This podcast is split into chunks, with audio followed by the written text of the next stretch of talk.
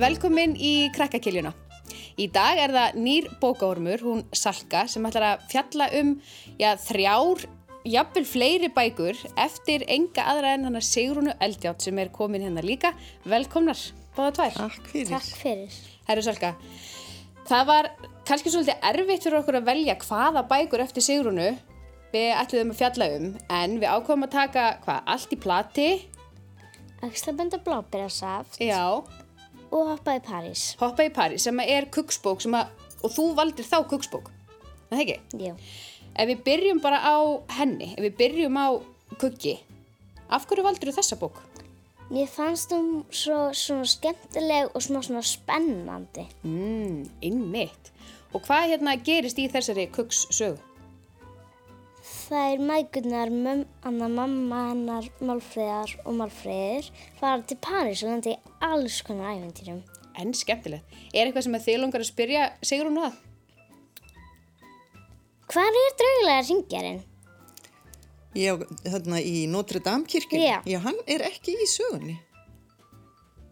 Þú segir nokkuð, ég, ég, ég þarf að bæta honum við. Já. Já, Það er kannski bara framhaldsverð. já, Já, hoppað aftur í París. já akkurat. Eitthvað fleiri sem langar að vita um kukk?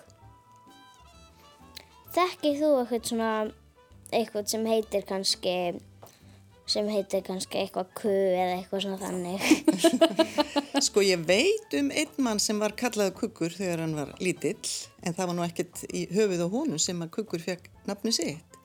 Svo veit ég að kukkur þýðir í rauninni lítill bátur, orðið kukkur. Og mér fannst þetta bara passa við þennan strák þegar ég gaf hann nafn. En, en þá verði ég að spurja mammina málfríðar. Já, Já. allar spyrir mér hvað hann heiti. Já.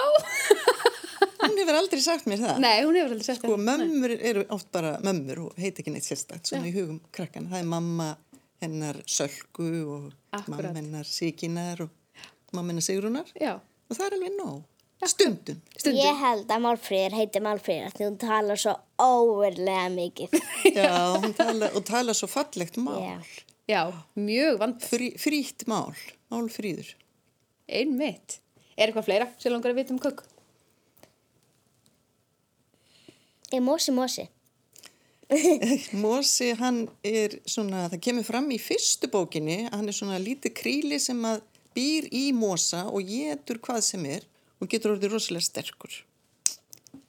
Og ég náttúrulega bara bjóð til þetta kríli, en kannski eru þeir eitthvað staðar hoppandi svona mosar út í mosanum.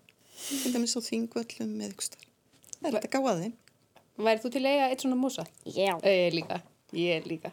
Hann reddar alltaf málunum, sko. Myndi ég alltaf láta hann borða það svona bíla og þá getur hann alltaf bara haldið á mér út um allt, sko. Nákvæmlega. Það væri líka bara svo skemmtilegt að vera alltaf með svona eitt lítið villising svona með sér. Ha? Já, það finnst mér. Er eitthvað meira um kukk? Ég held ekki. Nei. En þá, þá langar mig að fá að vita, hvað eru þar margar bækurnar um hann kukk? Sko, þær sem eru í þessu formi hérna eru orðnar 17, held ég mun alveg rétt. Já. En fyrst komu nokkra sögur út svona, svona fjórar, fimm saman og sumar þeirra hafa komið aftur út svona. Já. Þannig að ég held að sögurnar um kuksi orðna svona 20 eitthvað svo leis. Já. Og hafa komið út á löngu tímabili. Já. Hvenær kemur fyrsta? Mann það ekki alveg, það var 86 held ég. Já. Og svo er þetta náttúrulega að fara á svið og Já. ímis æfintýri. Já, en hann byrjaði í rauninni í sjónvarpinu, hann kukkur, áður en hann fór í bók. Já. Því að ég skrifaði sögur sem voru lesnar og gerði myndir og svo voru þær lesnar upp Já. og myndir þann síndar í barnatíma sjónvarpstundinu okkar fyrir löngu, löngu síðan. Herri, við þurfum að grafa þetta upp, held ég bara. Kuggur er nýfluttur í gamalt timburhús. Áður en hann flutti átt hann heim í blokk í nýbyggðu hverfi þar sem allt er fullt af krökkum á hans aldri. Þar átt hann marga góða vini og leik sér við hann frá morgni til kvölds. Hann kveið þess vegna fyrir að flytja í annað hverfi þar sem hann þekkti engan. Og það veriðist svo sannarlega að hafa verið ástæði til þess að kvíða. Það er hvergi nokkur krakki sjáanlegur. Þetta er alveg furðulegt. Kukkur kíkir út um garðsliðið og niður eftir götunni. Engir krakkar. Neðar á gangstjettin er bekkur og það setja einhverja á honum. Kukkur gengur þangað. Þetta er þá allt saman eldgamalt fólk. Tveir forneskjulegi kallar og einn kettling sem er svo gömul og krumpu að kukkur er vissum ef hann kæmi við hana myndu molna og verða dufti. Kukkur gengur áfram eftir gangstjettinni. Öll húsin við götun eru gömul og flest hrörleg. Húsi sem kukkurinn ífluttur í er líka gamalt, en það er ekki lengur hrörlegt, því pappans og mamma eru búin að gera við það allt og mála hátt og látt. Það er reglulega fallegt og lindardónsfullt hús. Og garðurinn, hann er nú alveg frábær, fullur af trjám til að klifri og runnum að fela sig í. En enginn til að leika við. Ekki geta þessir gömlu kallar og kellingar klifrað í trjám. Kukkur skellir upp úr við tilhugsununa. Hvað hlægir þig, ungi vinur? heyrist sagt. Kukkur hrekkur í kút, snýr sér við. Þarna situr þá enn ein gömul kelling og horfir á hann glottandi. Ég, ég, ég, ég, ég, var- ég, var, ég var bara að hósta, stamar kukkur og langar mest til að hlaupa burt því honum finnst kellingin líta út eins og norn. En þá heyrist skríti hljóð, eins og líkast tísti í tölvispili. Það er eins og það komi frá gömlu konunni. Nei, það getur nú ekki verið. Gamlar kettlingar leika sér ekki með tölvuspil. Er vona fleiri sögum um kukk og maðgunar? Það er aldrei að vita. Ég held alltaf að ég sé búin með kukk, sko, en svo kemur hann alltaf aftur. Þannig að það er aldrei að vita. Bankar upp á. Já, hann bankar upp á. Já.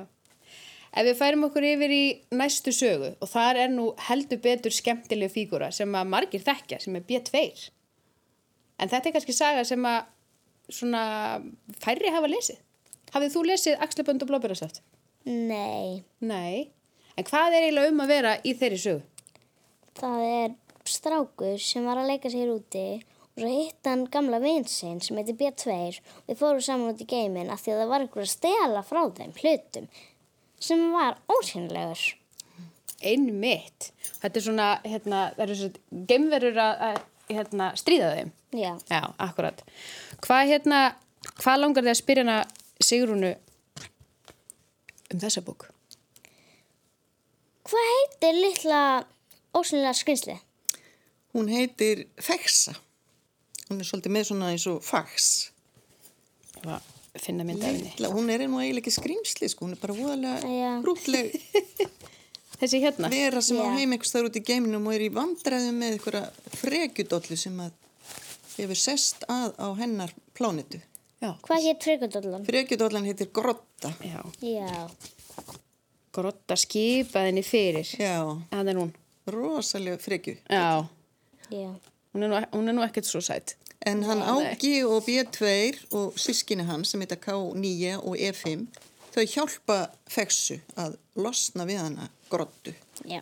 Þannig að vandamáli leysist eins og það þarf alltaf að gera helst í sögum. Já, það, það er betra. Það er miklu betra, já. Já, þá fer maður með svona aðeins góða tilfinningu svona hérna, að sofa eða hvenna sem það er sem maður er nú að lesa. En hérna, hvernig urðu þessar fígurur til? Ég verð nú bara að fá að vita það. Já, ef ég gæti nú svarað því. Sko, það er svo margt sem að brýst um í kollinum á manni. Alls konar verur.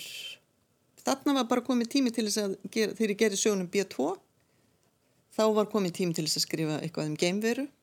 Og B2 kom nefnilega til jarðarinnar til þess að kynnast bókum. Þannig að bókin sem heitir B2, B2, hún er eiginlega um bækur og hvað þær eru mikilvægt. Akkurat. Er eitthvað fleira sem þið langar að vita um annarkur B2 eða bara þessa sögu? K9 Já, segja þetta ekki rétt. Er hann, hún, já, er Kánýja, hún, Já. hérna, anna, anna, já, hérna, hvar funduðu bláberjasáttið? Kom það úr jörðinni eða kom það úr bláberja? eins Já, og það blondan kom út heitir. sko, hérna, hnöttur þeirra heitir bláber Já, og er bara svona risastórt bláber þannig það hlýtur eiginlega að hafa komið úr jörðinni úr, sem sagt bóra niður í, í jörðina sína plánituna sína Mm, bláber. ekki jörðina, þetta er bláber þar hlýtur sæfin að vera, annars er ég ekki alveg viss sko. Það getur nú kannski verið svolítið geggjað. Já, Að vera á plánundu sem er blóbur, alltaf ná Já. sér í smá saft og, og svona smá að stundi jakla. gat og bara sprauta upp í sig Já, ha, það verður skemmtilegt. og þarf ekki að fara út um allt að tína bláber já. Nei. En mannstu hvernig B2 var til? nei, ég man það nú eiginlega ekki neitt sérstaklega ég hérna Kom teikningin kannski á undan? Já, ég held að í það skipti hafið það verið svoleið sko. Stundum verða bækurnar og sögupersonar til þannig að ég teikna eitthvað og, og svo horfi ég á teikninguna og hugsa hvað ætlað þú nú að gera vera mín Já. og svo fyrir eitthvað að gerast og þá byrja ég að skrifa Mér minnir að það hafi verið svoleiðis Já. en maður getur nú ekki munna allt Nei, nei, nei, nei, nei, nei, og það er ekki hægt að ætla stiðis heldur. er eitthvað meira? Nei, ég held ekki. Nei, þá færum við okkur bara yfir í allt í plati sem að á 40 ára ammali. Það var sérst verið að endur útgefa þessa dásamlegu sögu eh, allt í plati að því að hún á 40 ára ammali, hún kom sérst út 1980 mm. og er hvað, fyrsta bókin? Fyrsta bókin sem að ég skrifaði þar sem ég skrifa söguna Já, að því ég byrjaði nefnilega á að, að hérna, e, teikna í bækur sem aðrir höfðu gert og þegar ég var búin að, að gera það, nokkra bækur þá fór ég hugsun hvort að ég get ekki bara prófað að skrifa sögur sjálf gera eina bók sem að ég réði sjálf öllu sem að gerðist og ég prófaði það og ég let mjög margt gerast í þessari sögu af því að ég var með margar hugmyndir og, og held að þetta er bara eina bóki mín já þú ætlaðir ekkert að fara út í þennan bransa? Nei, nei, ég er myndlistamæður Já, akkurat. Það er ekkert að fara að skrifa eitthvað. Nei, nei, Ha? svo bara gæti ég ekki hægt. Nei, akkurat. Þetta er hættulegt. Já, hættilegt að byrja. Já. En við hvetjum nú alla til þess að skrifa samt eða það var áhuga, þetta ekki. En Selga, hvað hérna langar þið að vita um allt í plati? Hvernig öskra bann annars? Já, það stendur þarna Já. ykkur stöðar að, að hann Hann öskrar öskra eins og banani. Ég held að þarna hef ég ver- bara verið að reyna að sko búa til eitthvað svona einmi til þess að fá krakka eins og því til þess að hugsa. Geta bananar öskrað? Af því þarna er ykkur sem öskra eins og banani. Þannig að maður þarf bara aðeins að hugsa um og ég ætla ekki að fara að öskra hérna. Vi, við ætlum ekki að öskra eins og bannar hérna inni, en við, við getum reyndi ímynda okkur. Já. Já, akkurat. Eru krókofílar, er það blandað ykkur um dýrum eða fannstu það bara eitthvað upp? Já, sko, þeir, ég náttúrulega fann þá upp, en þeir eru í rauninni svolítið svona eins og hérna sambland af krókudíl og fíl og svo eru þeir með sóblökkur á fótunum. Þannig að þar bætist eitthvað eitt dýr í viðbót. Við. Já. Algjörlega frábært. Ég elska krókofíla. Já, þeir eru svolítið góð. Já. Já. Það er, ég var alveg til í að þeir væri til í alvörinni. Já. Þú gæti farið svona... Þeir eru til í alveg. Já, þeir eru til í Ef þú ferð onni í Já, svona hlem á ég- göttunni. Akkurat, ég fó Þá bara hittir niður það. kannski vittlur sem stað. þannig. Já. Já, akkurat. Ef að kíkja? prófiði bara en það er náttúrulega þessi saga hún gerist inn í svona hugsanablöðru Já. eins og er í teiknisýrju Mhm. og ef maður fer inn í svoleiðis blöðru þá er maður í rauninni bara að fara inn í hausin á sér þar sem eru alls konar hugsanir maður getur hugsað hvað sem er þar finnum maður krókufílina Og þar getur allt gerst. þannig að þeir eru til Já, í hugsanablöðrunni akkurat. Er eitthvað fleira sem langar að vita? Ég held ekki. Nei. En þá verð ég til í að vita að því að það er framhald af allt í plati sem heitir eins og í sögu. já, Er það ekki? jú, Já. Er planið að gefa hana út aftur á næsta ári þegar hún á 40 ára amali? Sko, ég vona það, því að ég er búin að vera, vinna svolítið í henni að, að hérna, leita að myndunum og, og reynsa þetta svolítið til. Mhm. -hmm. Þannig að ég vona að hún verði komið líka. Það er eiginlega alveg nöðsilegt. það er nöðsynlegt og sé, bara þannig ég tali fyrir sjálfa mig Hmm. þá held ég að það er bara það þarf, það var svona hérna svona eiginlega öskur í bókabúðinni þegar ég, þegar ég, þegar ég sá þessa af því að það var ekki tækt að fá þær e, núna í ansið langa tíma Það er að verið ófánlega mjög lengi og ég hugsa að séu, sko, bókasöfnun séu að það er orðnar svolítið slitnar líka. já, akkurat, Ég meina 40 ár er náttúrulega svolítið langur tími. já, akkurat Svolítið. Þannig að við sem ólumst upp með krókofílunum og erum ótrúlega spennt að hérna, kynna það fyrir okkar börnum, það er mjög nöðsynlegt Já, að því býðið eftir eins og í sögu. Já, eins og ég sög og það er nefnilega ótrúlega spennandi æfindri. Það er svona hulinhjálmsteinn Mm. sem er alveg bara ótrúlega merkilegt fyrir bari. Þannig að ef hún kemur út á næsta ári þá skora ég á því selga að lesa hana. Hm. En við ætlum að fá þetta til að lesa smá. fyrir Já, okkur. sko ég er sem að lesa bara úr allt í plati Já. sem er Endilega. elsta og yngsta bókin mín Já, og Eyvindur og Halla þau eru náttúrulega búin að kynast krokodílunum með því að fara þarna niður um hlemmin og götunni, búin að skoða svolítið þar en svo fara þau upp úr jörðinni aftur og Sigvald er að sína þeim ímislegt og þau fara að stórri kirkju sem að flestir kannast við og er Hallgrímskirkja það er mynd af henni hér og Þar byrja ég að lesa. Nú komaðu að kirkjunni og ganga inn. Þar sjáðu lyftu og inn í lyftinu situr eld, gamall og fremur illilegu maður út í horni. Fyrir framan henni hrúa að hvítu hári og þegar krakkarnir og Sigvaldi, Sigvaldi er sko aðal krókufílin, e, aðtuga máli betur, sjáðu að hárin eru í annan endan föst við höguna á manninum. Þetta er þá skegg allt saman. Góðan daginn, ég er loftur liftuvörður. Komið inn í liftuna og við skulum svífa upp í topp á turninum. Þau fara híkandi inn í liftuna og hún þýtur að stað með ofsarraða. Efst upp í turninum faraði út úr liftinu og horfa yfir Reykjavík, en svo hrúa á húsum og allt fólki sem er inn í þeim. Allir að gera eitthvað. Sum eru sofandi, sum eru að borða, sum eru að grafa hólu, sum eru að pissa, sum eru að leggja kapar og fleira og fleira. Allt í einu heyra þau hæðinni slátur fyrir aftan sig. Þau líta við og sjá að liftuvörðurinn horfir á þau grimdarlegur á svip. Þarna plataði ég ykkur litlu ljótu krakkar. Það kostar nefnilega ekkert að fara upp en það kostar sko 17.000 kall að fara niður aftur. Og svo hlær hann og hlær og hlær þar til svitin bogar af hún. Loftur, liftuvörður, sér alls ekki sigvalda sem að lítu nú uppörfandi á krakkana, kinkar kolli til þeirra og bendir á loft með rannanum. Á hann, hrópar hann og svo stökkva þau. Takaðu undir sér stökk, eyvindur þrýfur í skeggið og lofti liftuvörði, tógar í það fast og lengi og snýr marga ringi upp á það. Kallungurinn öskrar eins og banani og baðar út öllum öngum. Hann liggur að endingu ósjálf bjarga flektur í sitt eigið skegg. Krakkarnir og Sigvaldi ræða hvað skuli gera við þorparan. Hvort eigum við að binda hann við litla eða stóravísin á klukkunni, spyr Halla. Hvað finnst ykkur? Bindum hann við stóravísin, hann snýst hraðar. Og svo er það gert. Robert. Þetta er alveg hrikalega skemmtileg bók. Ræðisleg. Sigrún, ertu með einhver ráð? Nú erum við alltaf að hvetja krakka til þess að skrifa Já, sögur. Ertu með einhver ráð til ungra rithöfunda? já, bara að vera ekkit feimin við það og ekki hrættum að vera að skrifa einhverja, einhverja vittleysu eða eitthvað leiðilegt eða eitthvað svolítið. Bara að halda áfram að skrifa og lesa það svo yfir aftur og breyta því og kannski henda því og byrja aftur. Bara halda áfram og ekki gefast upp og tekna myndir líka, ekki gleyma því. Af því að ég er búin að tekna myndir í alla mína bækur.